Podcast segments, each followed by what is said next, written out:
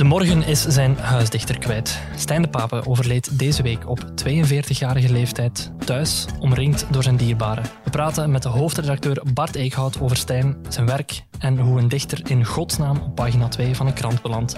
Maar eerst keren we de blik naar het buitenland. Europa staat voor zijn donkerste uren in lange tijd. Het Russische leger is Oekraïne binnengevallen. Wat bezielt Vladimir Poetin? En hoe moeten we zijn dreigementen aan het Westen opvatten? Welkom, ik ben Stavros Kelipouris. Dit is Lopende Zaken. Lopende Zaken. Een podcast van de morgen. The Russian military has begun a brutal assault on the people of Ukraine. Without provocation, without justification, without necessity, this is a premeditated attack. The target is not only Ukraine. The target is the stability in Europe and the whole of the international peace order. And we will hold President Putin accountable for that.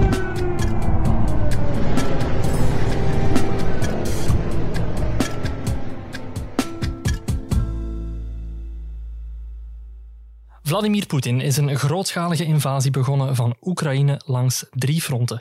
Het nieuws verandert van uur tot uur. Ik praat erover met mijn gasten Maarten Rabai, buitenlandjournalist voor deze krant. Dag Stavros. Ook collega Bruno Struis zit erbij. Hey. En eindredactrice Julie Reniers, welkom. Hallo.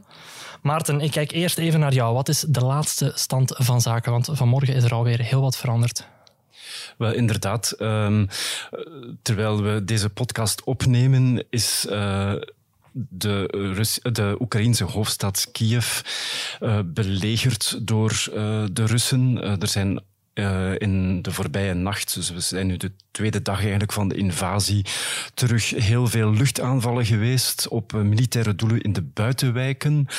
En eh, er zijn ook grondtroepen onderweg. Ehm, president Zelensky vreest ook dat er saboteurs al in de stad zijn.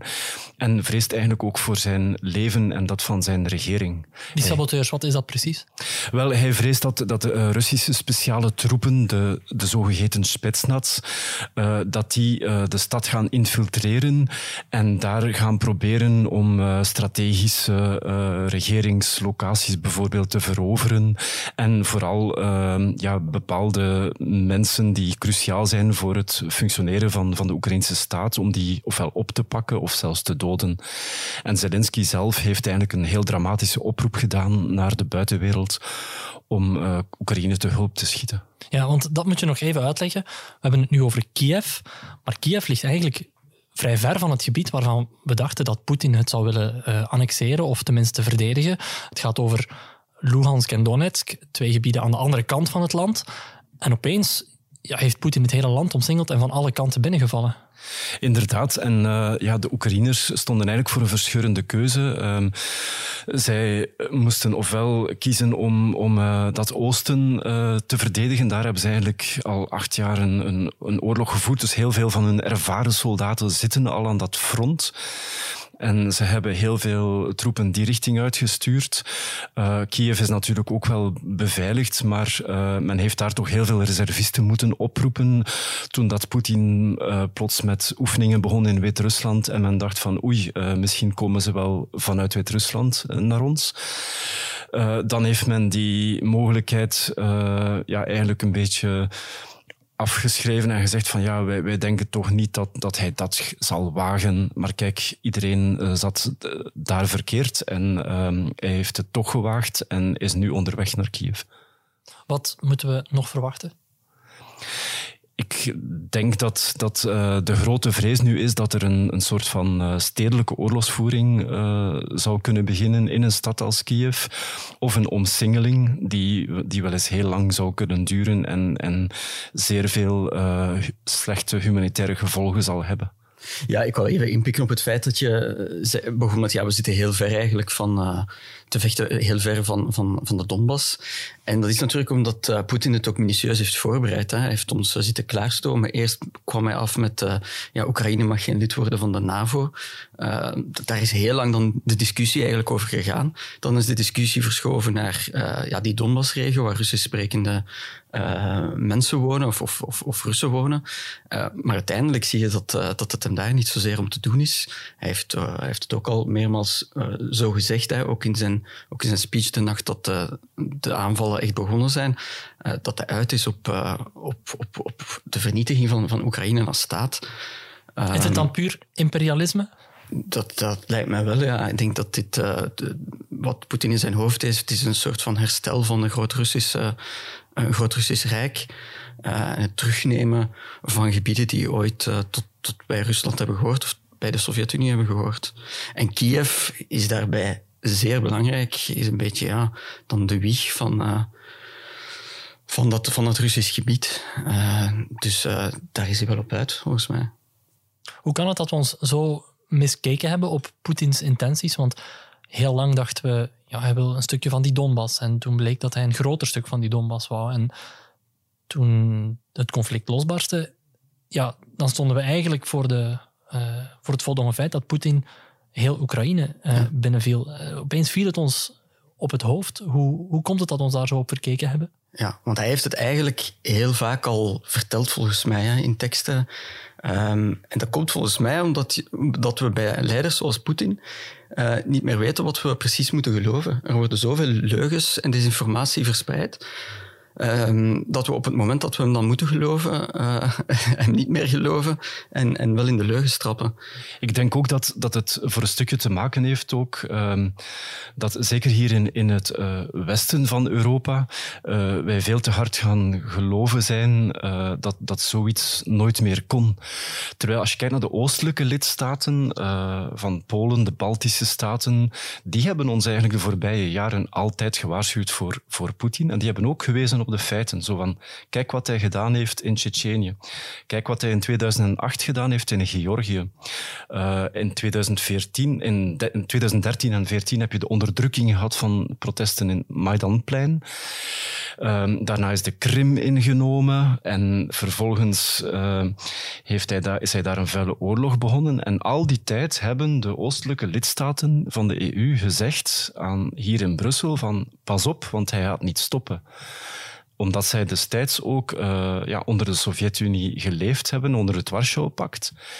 En, en uh, zij zagen de geschiedenis uh, zich, zich herhalen. maar wij hebben, of toch onze politici hebben veel te lang gedacht dat het vredesdividend van na de Koude Oorlog, dat wij daar maar konden blijven incasseren. En, en dat we hem wel konden rond onze vinger winden. Niet dus. We hebben te veel gerekend op een soort westerse diplomatiecultuur. Ik denk het wel, ja. Ja, ik zou daar graag nog aan willen toevoegen dat ik ook denk ja, dat wij ergens nog altijd proberen van met rationele argumenten te deconstrueren wat er gaat gebeuren, wat, ja, wat daar gedacht wordt. Um, en met dat idee van ja, als we die sancties nemen, gaat dat en daar economisch pijn doen en gaan ze zo reageren. Maar ik denk dat uh, ja, that ship sailed jaar geleden. Dat, ja. ja, Poetin lijkt niet onder de indruk van die sancties.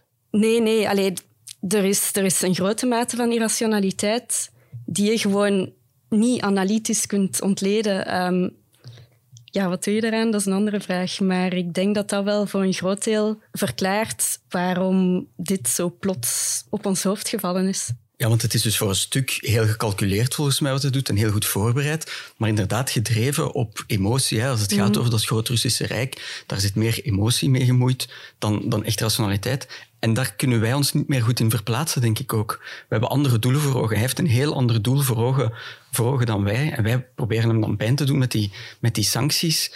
Uh, maar die kunnen hem op dit moment niet zo heel veel raken, omdat hij een heel ander doel voor ogen heeft. Ja, nee, om simpel te zeggen, het gaat niet over geld voor hem. Dat ja, Allee, dat, dat, kan, dat gaat mensen pijn doen, dat kan mensen pijn doen, dat gaat mensen boos maken. Want je hebt in Rusland intussen een middenklasse ja, die het graag goed heeft, die uh, zelfs zeer materialistisch is ingesteld. Maar uh, om te zeggen van wij uit het Westen gaan met sancties ja, de gedachten van Vladimir Poetin beïnvloeden. Helaas. Nee, in tegendeel, we zouden hem zelfs meer van ons wegdrijven. Want als we dat nu veel eerder hadden gedaan, wat je nu hoort dat analisten zeggen van we hadden zo lang geen handel mogen drijven met Poetin, we hadden hem niet uh, mogen als een gewone partner beschouwen, we hadden veel argwanender mogen zijn, hadden we perfect kunnen doen. Maar wat zien we? Dat Poetin eigenlijk de laatste jaren al veel verder van ons is, is, is gaan kijken naar hoe kan ik uh, eigenlijk mijn, mijn economie toch nog laten functioneren, los van het Westen. Hij heeft steeds minder in dollars beginnen handelen en steeds meer naar China beginnen kijken. En dus maken die sancties ook wel minder, minder, hebben die ook wel minder impact. Ja, en je zag nu al dat China vooral die inval niet wou veroordelen. Nee, dat klopt. Hij heeft daar een, een, ze hebben daar in elkaar een bondgenoot uh, gevonden, denk ik. En ik denk dat China zeer uh, nauwlettend toekijkt wat er hier gebeurt, hoe dat het Westen hierop reageert. Omdat ze natuurlijk zelf soortgelijke situaties uh, hebben zich kunnen inbeelden, ook een bepaald ressentiment hebben tegen, tegenover bepaalde gebieden die niet meer bij China behoren, zoals Taiwan, maar waar wel heel wat uh, Chinezen wonen en die ze wel beschouwen als Chinezen en een, een Chinees grondgebied. En ze heel erg aan het kijken zijn van ja, hoe, hoe reageert de NAVO, hoe reageert de Verenigde Staten op het moment dat je dan toch effectief de stap zet. De voorbije weken hebben we eigenlijk heel veel leugens gezien van, uh, vanuit Rusland, vanuit Moskou, van bij Vladimir Poetin. Hoe is dat binnengekomen bij de, bij de Europese mogendheden, om het zo te zeggen? Vladimir Poetin, Vladimir Poetin ging zijn troepen terugtrekken.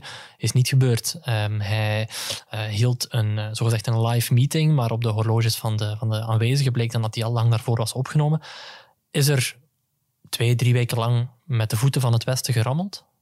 Uh, absoluut. En zelfs uh, eigenlijk is er al veel langer uh, met de voeten van de westerse leiders gerammeld. Hè. Um, als je kijkt hoe iemand als Emmanuel Macron, de Franse president, eigenlijk al vroeg in zijn presidentschap Poetin heeft uitgenodigd in Frankrijk om met hem te praten, om proberen te, ja, zelfs een oplossing te vinden voor Oekraïne. Want Macron dacht als jonge president, ik ga dat hier wel eens regelen, ik ga een soort van vredesoplossing voorstellen. En hij heeft toen tegen Poetin gezegd van ja, misschien kunnen we praten over neutraliteit van Oekraïne en zo. En Poetin heeft uh, dat zeer goed onthouden en heeft niet alleen de hand gepakt van uh, Macron, maar meteen zijn hele arm. En hij heeft ook andere uh, westerse leiders aan het lijntje gehouden. Ja, en ook, ook, Biden. Hè. En zelfs niet alleen in, in West-Europa, maar ook bijvoorbeeld uh, in, in Hongarije. Orbán is daar een paar weken geleden met Poetin een energiedeal gaan bespreken. Uh, zij willen het dan onder andere over gas, maar ook over kerncentrales die, die Rusland zou bouwen in, in Hongarije. Ik geloof, Julie, dat jij zei dat jij met Europees dat Finland ook een dergelijk project eigenlijk eh, op stapel had. Hè, met, uh... ja, ja, ja, dat klopt. En ja, dan hebben we het over een land waar ze zich wel zeer bewust zijn van die dreiging. Ja, het is een heel lange grens. Ze hebben, er is de, de Fins-Russische oorlog geweest um, in de vorige eeuw. Misschien is het gewoon iets van het idee van ja, we kunnen wel een goede vertrouwensrelatie opbouwen. Um, ja. Ja, en we komen toch ook weer terug, volgens mij, op wat we daar straks zeiden. Wat je ook doet tegen een dergelijke actor, verlies je sowieso. Of je nu handel drijft met hem, of je drijft hem van je af. Hij zou het sowieso gedaan hebben, volgens mm. mij. Je, hij heeft een ander doel voor ogen. Ik wil nog even terugkomen, Maarten, op Emmanuel Macron. Die Vladimir Poetin, neemt hij Emmanuel Macron serieus? Of denkt hij, ja, die wil indruk maken, ik ga die even uitnodigen, ik ga even doen alsof dat die persoon belangrijk is, maar eigenlijk vind ik dat maar een, ja, maar een nuttige idioot. Ik, ik, ik denk uh, het laatste, ik, of ik vrees het, uh, omdat als je kijkt naar de, de regeringsleiders met wie dat Poetin het wel nog kon vinden, de laatste die hij serieus nam in de Europese Unie was Angela Merkel. Uh, dat, dat zeggen heel veel diplomaten eigenlijk, dat hij voor, voor Merkel toch een soort van uh, respect had, omdat zij daar ook al heel lang was. En um, als je kijkt ook naar, naar uh, beelden van, van 20, pakweg twintig jaar geleden, ja, dan was Poetin nog uh, heel hard aan het lachen met uh, een Franse president als, als Jacques Chirac en met de Duitse bondskanselier Schröder bijvoorbeeld, die hij dan later binnengehaald heeft als bestuurslid voor, voor Gazprom en met wie hij zoete broodjes bakt. Um, en je merkt dat sinds het vertrek van Merkel en heeft, heeft hij toch wel ook misbruikt. Het feit dat Duitsland nu plots een nieuwe bondskanselier heeft, uh, heeft hij toch ook wel misbruikt, omdat hij beseft dat, uh, dat de Europese Unie plots met uh, leiders zit die eigenlijk niet zoveel ervaring hebben. En dat, ook daar is hij eigenlijk heel perfide in. Hij, hij heeft echt een zwak punt gezocht in, in het, het, ons tijdsgevricht om toe te slaan. Uh, we komen uit een pandemie. Uh, we hebben relatief jonge, veel jongere leiders dan, dan hem die niet meer denken zoals hem. En, en daar heeft hij dus genadeloos misbruik van gemaakt. Is dit nu een keerpunt in de Europese geschiedenis? Of is dat keerpunt er gekomen in 2014, toen Poetin eigenlijk al een stuk Oekraïne geannexeerd heeft? Uh, 2014 was een, was een belangrijk scharnierpunt, uh, zeg maar. Maar ik denk dat we nu echt wel kunnen zeggen van uh, er is een wereld voor 24 februari 2022 en een wereld na 24 februari 2020. Zeker voor Europa. En zoals Bruno daar straks aanhaalde, het, het afwachten wat, wat China zal doen. En dan zou het wel eens een, een, ja, een grote breukeling kunnen worden in de wereld. Al gaan we moeten afwachten natuurlijk hoe dat dit zich nog verder zet. Hè. Ik wil niet naïef klinken, maar op, op dit moment is, is dat daar nog geen gewone spel. Hè. als je luistert naar uh, wat, uh, wat militaire analisten zeggen, dan ja, is het nog niet zo heel zeker dat dit ook een klinkende overwinning en een blitzkrieg wordt. Um, oorlog is iets heel onvoorspelbaars. Um, en de moeilijkheid zal vooral zijn eens dat hij Oekraïne of een groot stuk van Oekraïne en Kiev in handen heeft, is om het dan ook te behouden natuurlijk. Daar is de situatie toch ook wel anders dan dat je alleen maar, uh, de, alleen, alleen maar tussen aanhalingstekens de, de Donbassregio zou innemen. Ik wil het nog even hebben over het, over het historisch perspectief. Na de inval werd meteen gezegd, dit zijn de donkerste dagen voor Europa sinds Wereldoorlog 2. En anderen reageren daar dan op, ja, vergeten we nu de Joegoslavië-oorlog niet heel makkelijk. Hoe moeten we die dingen naast elkaar leggen? Want een annexatie of een poging tot annexatie, zoals Poetin nu ondernomen heeft, dat hebben we in Joegoslavië niet echt gezien. Nee, dat is het grote verschil, denk ik. En dat is waarom dat er continu de vergelijking wordt gemaakt met, met de Tweede Wereldoorlog, is omdat het echt over een heel klassieke uh, begin 20e eeuwse invasie lijkt te gaan. En dat we dat al heel lang niet meer hebben gezien. Maar natuurlijk, de Joegoslavië-oorlog was effectief uh, een, een, zeer donkere pagina in de, in de Europese geschiedenis, met 100 tot 140.000 doden. Je moet oorlogen meestal best niet beginnen vergelijken op het aantal uh, dodelijke slachtoffers die er vallen. Het is een heel cynisch spel. Maar ook in Tsjetsjenië bijvoorbeeld is, is ook een, een, een verschrikkelijk, uh, verschrikkelijk donkere pagina waar hier bij ons amper of nooit over gesproken wordt. Uh, maar dat is wel waar dat Poetin voor een heel groot stuk zijn carrière ook op heeft gebouwd. Hè. Als hij in 1999 aan de macht komt, dan is het voor een stuk omdat hij zich heeft geënt op die oorlog in Tsjetsjenië en daar ontzettend populair mee gemaakt heeft in Rusland.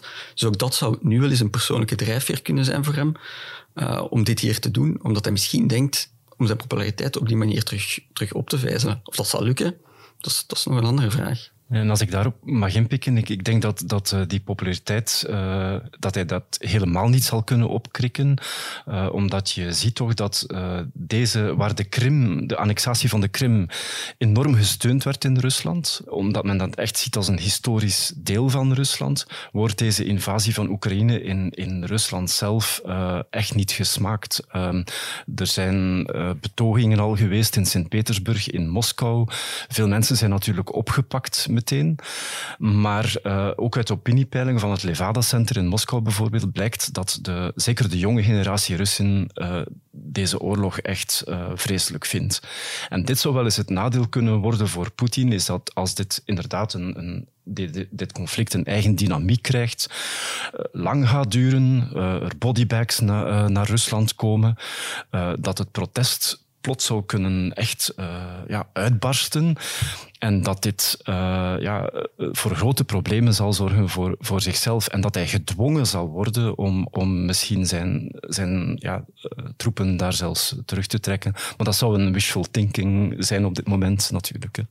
Ja, wat in dat historisch perspectief, vanuit het Russische perspectief dan zeker ook telt, is um, de bombardementen van de NAVO op Servië natuurlijk. Um, ja, dat moet je echt niet onderschatten. Hier werd dat gezien als um, ja, een, een reddingsoperatie. In Rusland was dat het platgooien van een eeuwenoude bondgenoot, um, dat was een, een, ja, een gigantisch trauma. Um, Servië, dat is het land waarnaar aan het eind van Anna Karenina, haar, haar uh, geliefde, haar minnaar, hij trok daar naartoe om te gaan vechten, om ja, zijn, zijn leven herop te bouwen.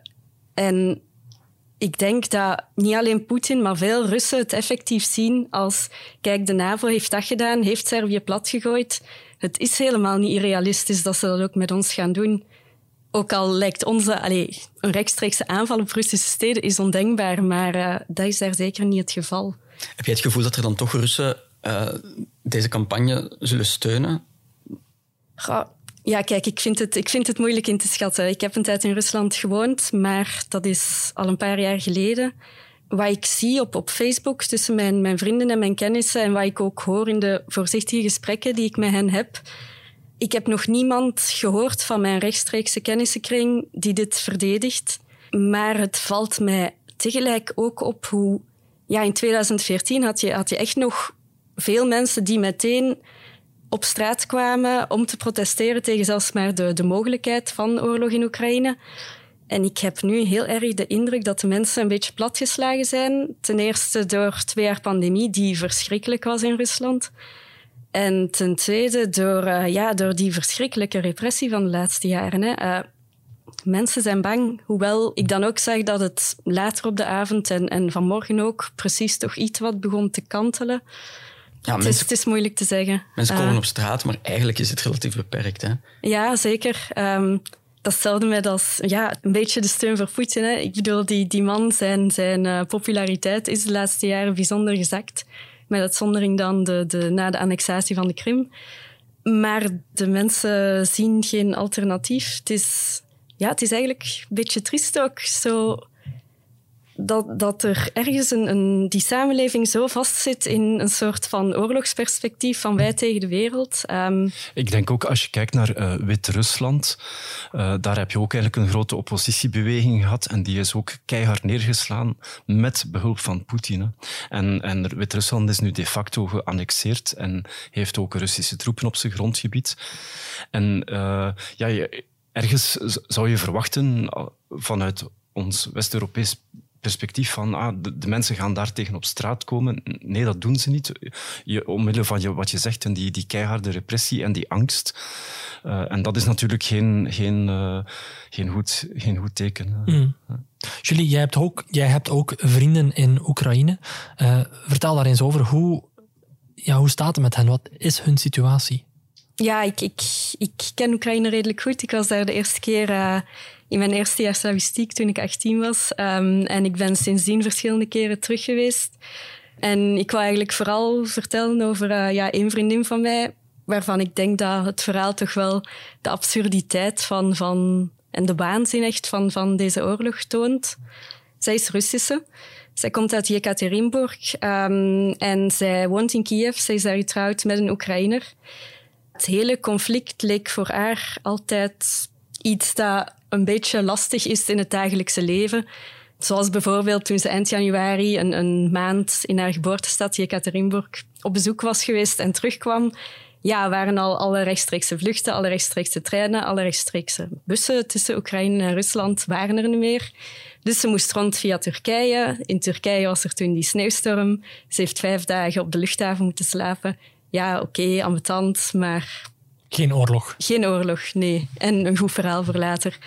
Ja, wij waren eigenlijk zelfs nog van plan om uh, tot deze week dus, om, om volgende week samen naar de Donaudelta te trekken in, in Oekraïne. Ja, om maar te zeggen, als wat voor een totale verrassing die bombardementen gekomen zijn. Zit zij veilig op dit moment? Ik heb haar sinds vanmorgen niet meer gehoord. Um, maar ja, allee, zij heeft een groot probleem. Hè. Allee, zij, zij is Russische, ze is getrouwd met een Oekraïner, maar ze heeft maar een tijdelijke verblijfsvergunning. Uh, ze heeft geen Schengen-visum, dus ze kan niet weg. Haar vaste verblijfsvergunning zou ze normaal gezien volgende maand krijgen, maar ja, de administratie gaat zich daar nu niet mee bezighouden. Uh, ze ziet niet echt een uitgang. Allee, ik heb nog een beetje rondgehoord voor haar van wat de mogelijkheden zouden zijn misschien om maar op de een of andere manier een Belgisch visum te, te regelen. Maar ze zeiden mij dan bij Buitenlandse Zaken van, um, ja kijk, dat, dat doe je niet op 1, 2, 3. tegelijkertijd is het gewoon te gevaarlijk geworden in Kiev om naar buiten te gaan. Um, er staan gigantische files. Ik las gisteravond laat ook nog hoe blijkbaar Oekraïne mannen van vechtstrijdbare leeftijd niet meer het land zou laten mhm. uitreizen. Dus ja, vertrekken zonder haar echtgenoot, dat is ook geen optie. Ja, alleen het, is, het is gewoon waanzinnig. En overweegt ze dan om naar Polen te gaan, effectief? Om het land uit te geraken gewoon? Of... Ja, ik bedoel, dat, dat is iemand die, die veel reist, die echt Europees-minded is. Dus sowieso is dat een optie. Maar het, ja, het kan gewoon niet. Het, het kan niet. Ja, en je hoort ook dat, dat uh, bijvoorbeeld, ik denk dat het onze staatssecretaris was voor asiel en migratie, die dan zei van, we moeten ons voorbereiden op Oekraïnse vluchtelingen, maar uh, van de Russen, ja, die gaan we toch geen visa meer geven. En ik denk dat dit voorbeeld aantoont dat je niet zomaar zwart-wit mag denken. Uh, Oekraïne is een, ja, en, en er zijn heel veel Oekraïens-Russische gezinnen en Russen die in Oekraïne wonen, die deze oorlog niet steunen. Dus ik denk dat, dat men daar op, op vlak van vluchtelingenbeleid echt wel zal moeten met een open blik kijken. Ja, ik ga me niet snel sterk politiek uitspreken, maar ik vind dat echt een verschrikkelijk idee. Um, en niet alleen over uh, de Russen in Oekraïne, maar tegelijkertijd over de Russen in Rusland. Ja, Poetin en, en de mensen die in Rusland wonen, sorry, maar dat, dat is hoegenaamd niet één op één. En als je die mensen zou gaan totaal afsluiten van elk sympathiek contact met gewone mensen in Europa. Het gaat allemaal ja, erger worden. Ja, ik denk nu wel dat hij die, die visa, die uitspraak over die, uh, het schrappen van visa voor, voor Russen, is dat dan daarna wel een beetje gecorrigeerd naar, uh, ja, maar ik, ik, bedoelde eigenlijk in de sanctieregeling, waar dat ja, specifieke Russen worden geviseerd, uh, dat er daar visa, geen visa meer voor worden afgeleverd. Dat is natuurlijk een heel okay, ander verhaal. Ja, zeker, zeker. Ik ben heel blij dat te horen. Maar het klopt ja. inderdaad. Dat je, je moet dit zien als een oorlog van het Poetin-regime uh, tegen Oekraïne. En de burgers zijn er sowieso het slachtoffer van. Uh, zowel in Oekraïne als in Rusland. Daar gaat de lokale bevolking ook de gevolgen van die oorlog dragen in mindere mate. Um, want ja, laat ons niet vergeten dat in Oekraïne uh, vannacht mensen hebben de nacht doorgebracht in de metro of in ondergrondse parkings. Um, of inderdaad hals over kop zijn moeten vertrekken met, met één valies. Dus ja, dat zijn de echte slachtoffers van zo'n oorlogen. Dat wil ik nog mhm. vragen. Die, die vriendin van jou, hoe, hoe voelt dat voor haar? Van de ene dag op de andere leven zij in een, in een zeer ouderwetse oorlogssituatie. Uh, willen ze het land uit, maar kan het niet. En als het dan wel zou kunnen, ja, dan, dan mag haar man waarschijnlijk niet vertrekken. Families worden verscheurd. Om een oorlog waarvan ja, niemand eigenlijk ziet, of in het Westen toch, niemand ziet waarvoor die nodig is. Ja, ja wat zeg je daarop? Dat is, allee, dat is waanzinnig. Dat, dat kun je amper in woorden vatten. Um, daar... Het is een absurde situatie. Ja, absurd en tegelijkertijd zo verschrikkelijk cynisch. Um, ja, het is, het is vreselijk. Hè?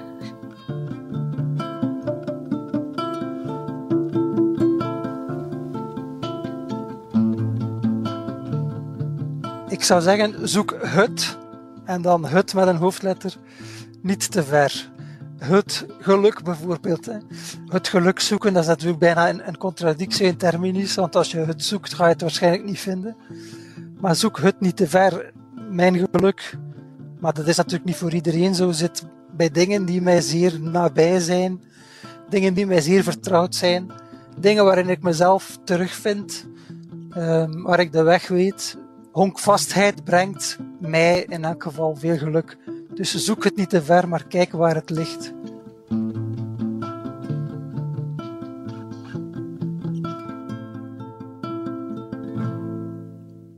...1425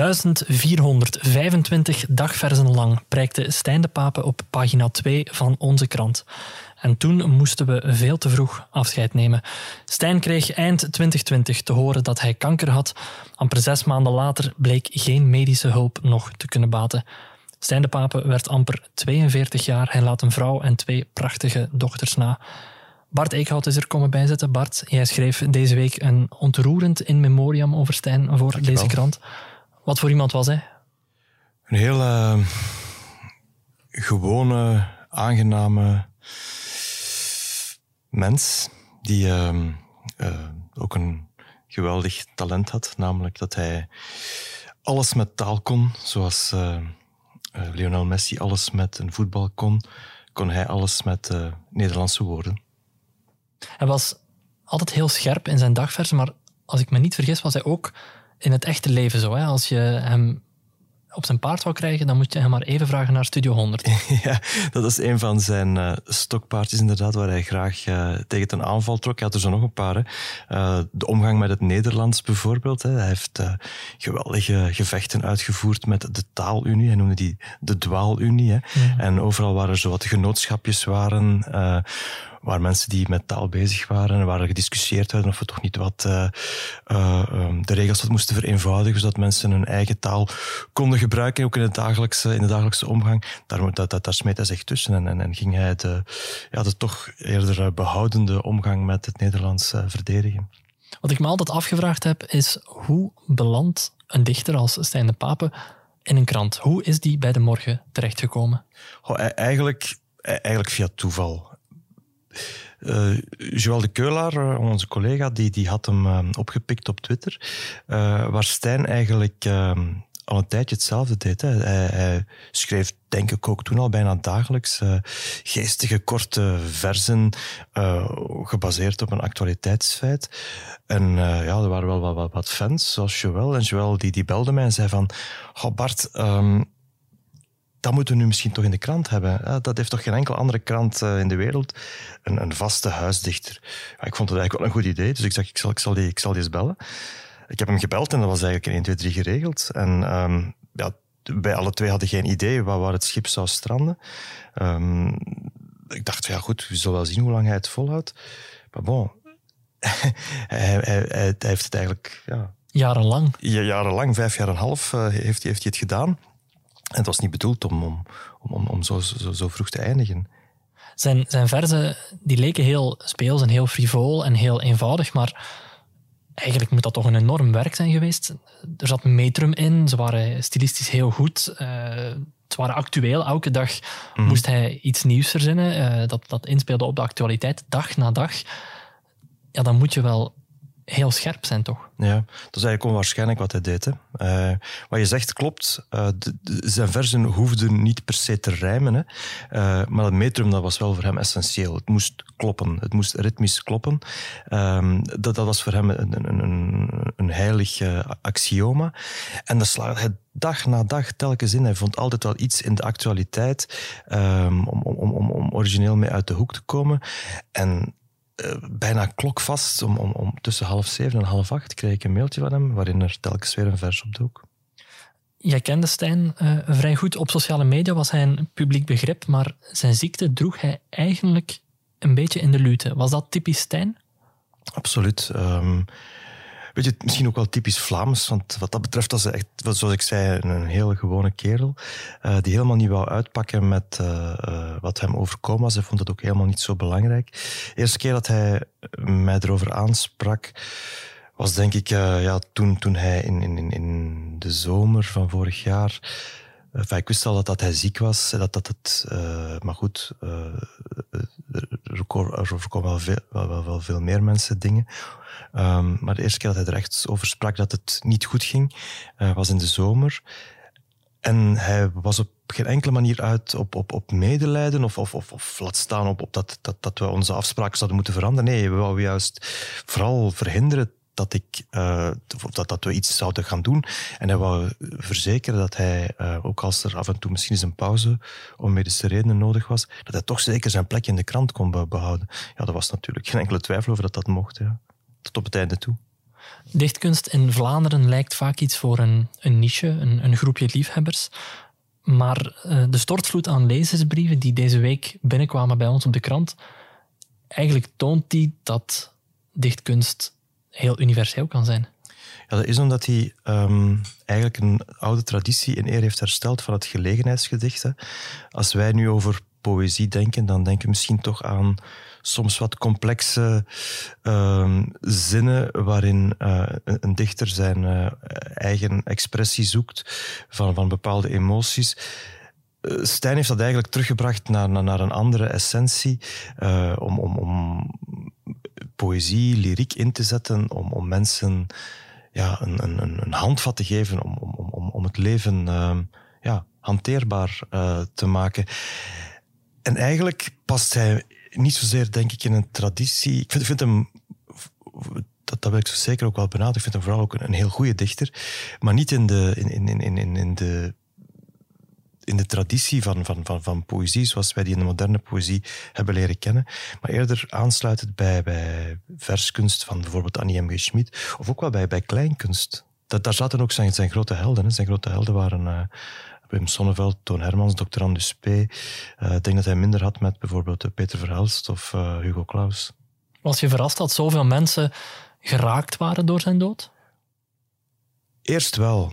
Uh, maar dat gaat dan eigenlijk al terug van... Ja, hij heeft eigenlijk eh, het hart van Vlaanderen veroverd met het gedicht dat hij voor Gedichtendag vorig jaar heeft gemaakt. Wat helpt eigenlijk een idee van het radioprogramma De Wereld van Sophie. Is ook bij ons in de krant gekomen toen. En dat gedicht was zo goed, was zo juist. Um, gaf eigenlijk de hele natie troost, om zo te zeggen. Um, ook ons. Uh, op het moment dat, dat, dat, dat wij in ontreddering waren, hè, we dachten dat uh, ja, we zaten midden in de pandemie. We hadden gehoopt dat op dat moment die pandemie alweer verleden tijd zou zijn. Ondertussen weten we dat dat niet het geval was. En hij heeft daar eigenlijk een, um, een, een, een een ongelooflijk straf gedicht over geschreven. Dat ook op posters is verschenen, dat mensen uit de krant hebben gescheurd, op de koelkast hebben geplakt, zelfs voor ramen hebben gekleefd. En zien is hij eigenlijk echt wel een beetje uh, dichter van, van, van, Vlaanderen geworden, om zo te zeggen. En um, ja, dat heeft hij dan, om zo te zeggen, uh, uh, op een tragische wijze nog eens moeten overdoen toen hij ook met een gedicht ja, zijn ziekte heeft aangekondigd. En toen voelde je wel ook de manier waarop hij dat deed, um, dat hij daar ook, behalve met zijn taal, ook met echt de manier waarop hij daarbij in het leven stond, um, snaren raakte. Omdat het heel herkenbaar was voor heel veel mensen, die op exact dezelfde wijze, dezelfde machteloosheid voelen of hebben gevoeld bij wat hen zelf is overkomen of, of, of wat hun familie of geliefden is overkomen. Uh, juist door die heel um, ingetogen wat stille manier. En, en daar zit eigenlijk dan wel een beetje een vreemde paradox in, dat hij eigenlijk door uh, die heel herkenbare menselijke manier van om te van op een heel kleine manier om te gaan uh, met je leed, dat dat juist heel erg groot werd, omdat het voor heel veel mensen ja, herkenbaar was. Een van de, van de dingen die me vaak opvalt, is dat leerkrachten een uh, speciale voorliefde hadden voor uh, Stijn de Paap, omdat hij het altijd voor hen opnam, uh, voor hun vak, voor het idee van een goede leerkracht. Hij was zelf ook leerkracht. Hoe, ja, hoe komt dat dat zoveel mensen zich gesteund voelden of geraakt voelden door, door, door Stijn? En, en dan heb ik het niet enkel over mensen die, die ook ziekte meegemaakt hebben, maar heel veel mensen voelden bij Stijn een soort woede, een soort frustratie die hij heel goed kon verwoorden en die ze ook voelden.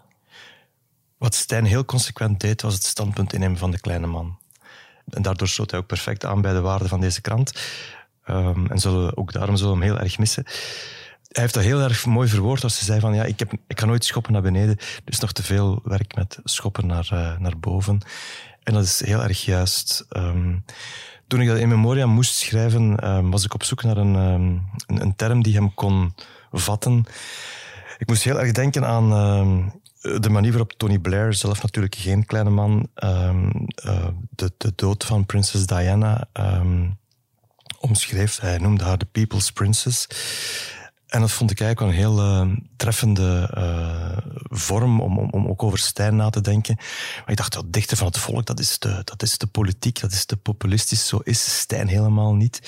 Uh, en toen kwam ik op het woord mensendichter. En ja, dat, dat, dat was hij wel. Hij, was, hij bracht op een manier de poëzie terug bij de mensen. Hij gaf de poëzie eigenlijk terug aan de mensen. Zonder dat hij ingewikkeld moest zijn of, of hermetisch. Ja, was een heel, hij was wel in zijn leven als in zijn taal een eenvoudige mens. Om uh, Stijn te eren ga ik deze week niet de uitgeleide van de podcast doen. Die eer gaan we aan Stijn uh, te beurt laten vallen. Ik uh, wil graag mijn gasten bedanken, maar beste luisteraar, loop nog niet weg. Want we gaan nog één keer de meester zelf aan het woord laten met zijn onsterfelijke gedicht Wat helpt. En ik wil graag Radio 1 bedanken die ons toestonden om deze opname in deze podcast te delen. Dit was Lopende Zaken. Tot volgende week. Hier is Stijn. Als vloeken helpt, dan vloek je maar. Maak herrie, stennis en misbaar, scheld schel en luid je goudvis uit en schreeuw je scherven bij elkaar. Als bidden helpt, bid dan gerust, als het je troost of sterkt of sust of vraag om raad. Als hij bestaat, dan is het goed, maar het is geen must. Als huilen helpt, ga dan je gang. Het is niet niks en het duurt lang. Het kan geen kwaad als het niet gaat. Het mag gezien zijn. Wees niet bang. Als praten helpt, bel mij dan op en steek van wal hals over kop of van de hak weer op de tak of zachtjes sluipend uit je slop. Als lopen helpt, vertrek meteen, zeer doelgericht of nergens heen. Het hoeft niet snel, al mag dat wel, met verre vrienden of alleen. Als zwijgen helpt, wees dan maar stil en duik, als dat is wat je wil, een tijdje weg van pijn en pech. Als je weer opduikt, geef een gil. Als lachen helpt, ken ik een grap. Of val dolkomisch van de trap.